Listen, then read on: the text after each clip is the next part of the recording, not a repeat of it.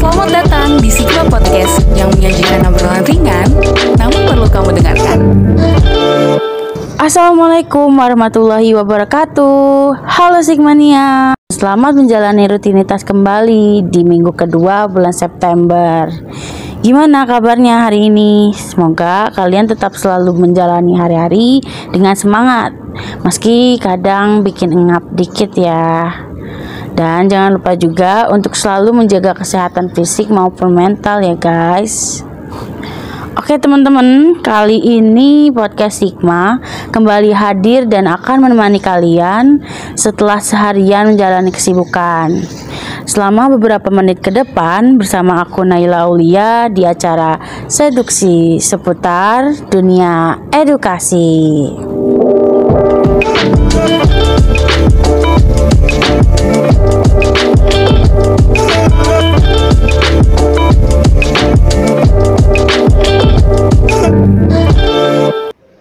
Jadi di episode seduksi kali ini kita akan membahas sesuatu yang menarik yaitu tentang tradisi yang ada di Banten ini. Seperti yang terlihat kemarin nih ya, ada tradisi pawai budaya yang sudah berlangsung di alun-alun Kota Serang. Nah, selain itu ada lagi nih salah satu tradisi yang baru saja berlangsung yang ada di Banten ini, yaitu kita akan mengulik tradisi Serentahun masyarakat Cisungsang yang akan disampaikan langsung oleh pembicara kita, seseorang yang sangat keren dan mungkin namanya sudah tidak asing lagi bagi beberapa Sigmania karena beliau juga sudah menulis berbagai judul buku tentang kebudayaan yang di Banten ini. Di tengah-tengah kita sudah ada Bapak Ayatullah Humaini, dosen UIN Sultan Maulana Hasanuddin Banten, penulis sekaligus founder dari Ayatullah Humaini Institute. Halo Pak, apa kabar? Halo Nina. Ya gimana Pak? Sebelum mulai pembahasan kita sapa dan kenalan lagi sama Sigmania. Boleh, boleh, silakan. Ya, eh, saya Ayatullah Humaini, eh, direktur di lembaga Ayatullah Humaini Institute yang fokus pada riset dan kemanusiaan. Kebetulan memang eh, bulan lalu ya, bulan Agustus kita melakukan riset bersama para mahasantri AHI di salah satu kesepuhan di Lebak Banten yaitu kesepuhan Lebak Binong dan uh, sepulang dari kesepuhan Lebak Binong kita berkunjung ke kesepuhan Cisungsang yang kebetulan momennya sedang ada kegiatan tradisi Serentahun. Nah, wah dari pengenalan tadi tuh bisa kita lihat nih kayak apa ya cukup aktif gitu ya Pak. Boleh nih disebutin juga mungkin beberapa buku yang udah ditulis oleh Bapak Baik. tentang kebudayaan yang ada di Banten ini nih. Ada beberapa buku yang sudah saya teliti dan sudah saya tulis juga sudah dipublikasikan. Di antaranya tentang tabu eh, tabu-tabu perempuan di Banten, ada tentang mitos dan tabu di Banten, ada akulturasi Islam dan budaya lokal dalam magi ya, magi itu magic, magic di Banten. Ada juga tentang mantra Banten, tentang kasepuhan masa, ma- budaya masyarakat, kasepuhan Sajra, budaya masyarakat Kasepuhan Buradog, Kasepuhan Cipta Gelar, termasuk Tisungsang, Kasepuhan Citorek, eh, kemudian ada religi dan budaya masyarakat Ciamas Banten, dan beberapa yang lain. eh, saya lupa, sekitar 30-an judul mungkin tentang kebudayaan dan tradisi di Banten. Wah, benar-benar udah cocok banget nih Sigmania sama pembahasan kita kali ini. Tapi nih ya Pak, sebelum kita membahas lebih dalam lagi, Ya. pasti nih banyak atau beberapa dari Sigmania ini Ya. masih bertanya-tanya, sebenarnya apa sih tradisi Serentahun itu? Ya, jadi tradisi Serantun itu salah satu tradisi yang eh, masih dilestarikan oleh masyarakat eh, Kasepuhan ya, masyarakat adat yang ada di eh, Banten, terutama yang di daerah Lebak, eh, di Banten Selatan ya. Nah, di Banten Selatan itu dia ada masyarakat adat, masyarakat Kasepuhan sekitar 530 kalau berdasarkan Perda Kabupaten eh, Bupati Lebak selain Baduy. Jadi di luar Baduy itu ada kesepuan-kesepuan dan masyarakat adat, tapi memang kasepuan-kasepuan yang ada selain Baby dia sudah beragama Islam. Gitu. Tetapi memang masih memegang erat uh, tradisi dan budaya leluhur. Nah, salah satunya adalah tahun. Seran tahun ini adalah bagian dari tradisi dalam ritus pertanian, ritual pertanian. Jadi kalau di sana di masyarakat adat, ketika orang mau bertani itu dia harus melakukan ritual-ritual tertentu dari sejak mau menanam, pada saat menanam, pada saat panen dan setelah panen dan sebagainya. Jadi banyak ritual-ritual adat yang memang nah di, dilestarikan sampai saat ini. Nah, puncaknya ada di serian tahun ini. serian tahun ini sebenarnya lebih ke bentuk syukur atas panen yang sudah dihasilkan, kemudian juga uh, doa ya, satu salah satu doa dan harapan agar panen berikutnya juga berlimpah dan dijauhkan dari uh, malapetaka dan uh, berbagai bencana, khususnya dalam hal pertanian. Nah, biasanya dalam tradisi serian tahun ini uh, keturunan mereka yang mungkin merantau ke kota, yang kerja ke kota atau yang kuliah dan sebagainya, mereka pulang tuh dalam tradisi serang tahun. Kalau istilah kita kayak lebaran lah sebenarnya, hmm. mudik pada saat ini ya, mereka kumpul dan melakukan berbagai uh, tradisi dan puncaknya ada di ritual serang tahun ini. Ya, wah menarik banget nih. Serang tahun ini berarti kan bentuk lebaran dan bentuk acara syukuran. Syukuran ya karena panen. Ya di ya. masyarakat khususnya masyarakat Cisungsang ya, ini ya pak. Nah dari penjelasan tadi tuh kira-kira dalam pelaksanaan hmm. tradisi tersebut nih ada waktu tertentu nggak sih pak dalam pelaksanaannya? Ya. biasanya ada karena memang banyak ya masyarakat ada tuh kesempatan di sana itu ya pastinya setelah panen ya Nah karena memang panen itu terkadang mereka serentak antara satu kesepuan kesepuan lain. Nah biasanya ada bergantian tuh minggu ini di kesepuan mana, minggu ini di kesepuan yang lain gitu. Jadi jarang ada yang dia bersamaan gitu. Karena memang juga sepertinya karena ada tradisi saling berkunjung ya antara kesepuhan dengan kesepuhan yang lain. Mungkin salah satunya juga membahas tentang waktu dari serem tahun itu. Oke, berarti antar kasepuan tersebut saat melakukan atau hmm. melaksanakan yeah. sana tahun ini berjarak waktu di waktu yang cukup bersamaan gitu ya Pak? Iya, yeah, maksudnya tidak ada waktu yang sama tetapi berdekatan ah, waktunya. Yeah. Misalkan di ketemuan ini hari minggu ini, kesepuan ada minggu berikutnya. Gitu. Oke, dan e, menyesuaikan dengan waktu panen. Iya, pastinya, hmm. karena itu kan bagian dari ritual uh, panen raya ya, syukuran untuk hasil panen. Oke, nah untuk acara seren tahun di masyarakat Cisungsang ini hmm. sendiri nih yang kemarin yeah. Bapak datangi itu tuh acaranya di mana sih Pak dan yeah. tempatnya tuh bagaimana gitu? Yeah. Jadi acara seren tahun Cisungsang kebetulan memang salah satu acara ritual seren tahun yang paling besar dari antara kesepon yang lain karena memang uh, sangat disupport oleh pemerintah daerah Provinsi Banten dan juga pemerintah daerah Lebak ya karena itu menjadi ikon pariwisata masyarakat Banten khususnya masyarakat Kasepuan tadi masyarakat adat ya. Hmm. Nah dalam tradisi yang sering tahun Cisusang ini uh, ramai sekali dan tidak hanya ada acara intinya di ritual itu tetapi juga ada pertunjukan berbagai seni tradisi baik yang tradisional maupun yang modern termasuk juga perlombaan-perlombaan. Jadi beberapa hari sebelum acara inti itu ada berbagai perlombaan yang dikemas dikemas demikian rupa oleh panitia dan juga berbagai pertunjukan seni tradisi dan seni modern. Jadi jauh lebih ramai ketimbang uh, ritual seri tahun di yang lain gitu. Karena tadi support pemerintah ya.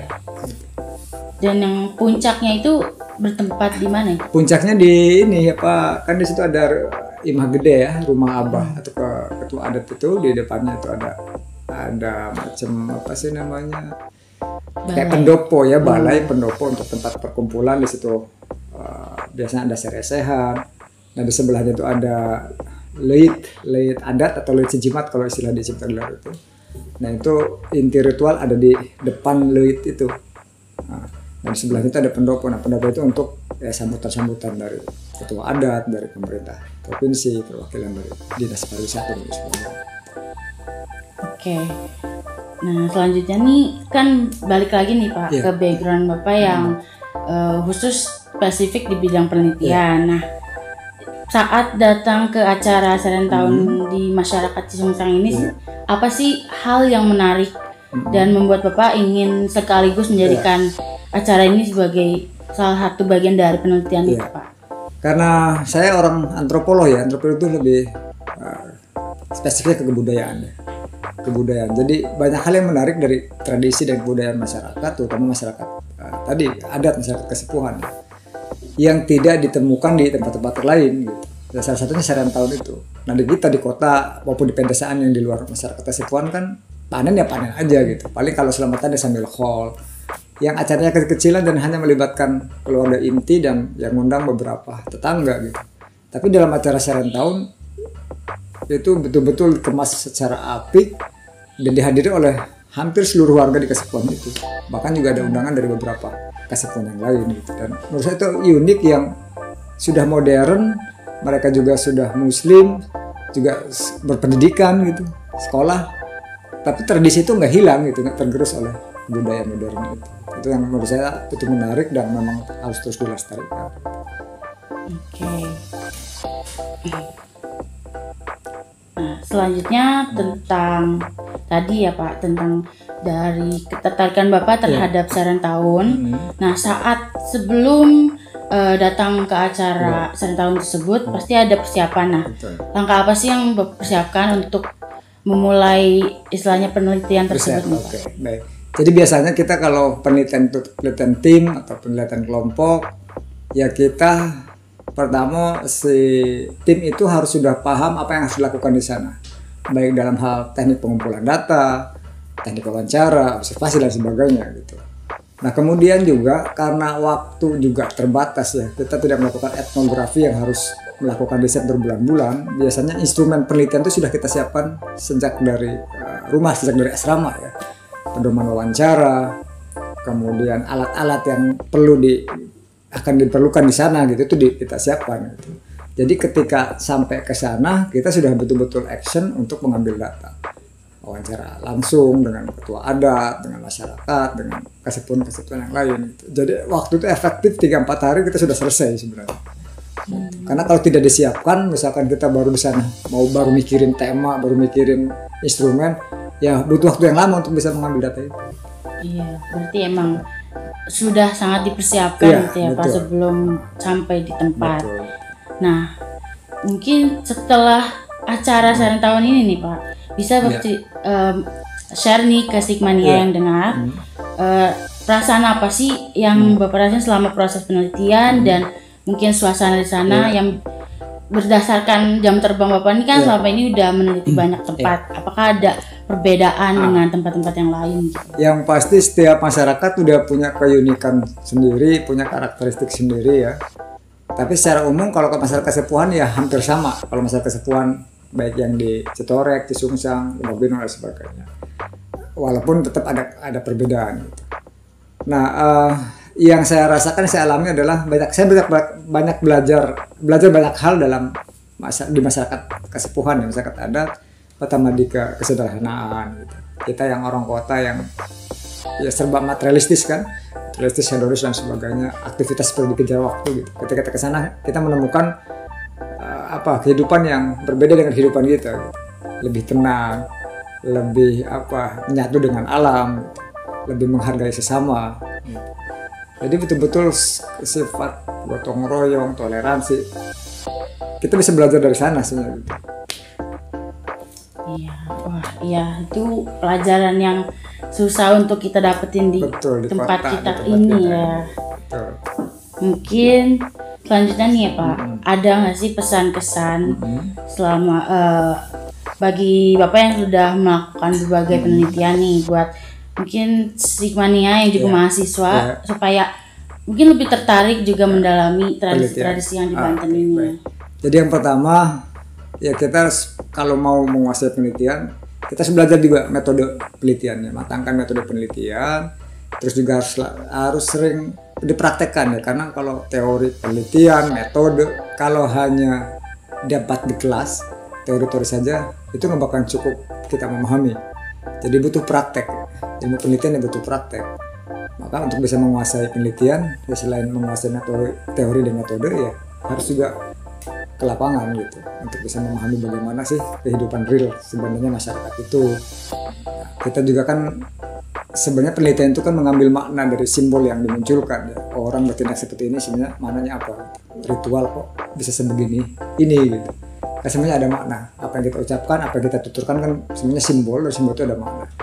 Nah, perlu ada kepekaan yang dimunculkan yang yang harus muncul dalam diri si peneliti ya dan itu harus baru bisa muncul sebenarnya setelah beberapa kali penelitian.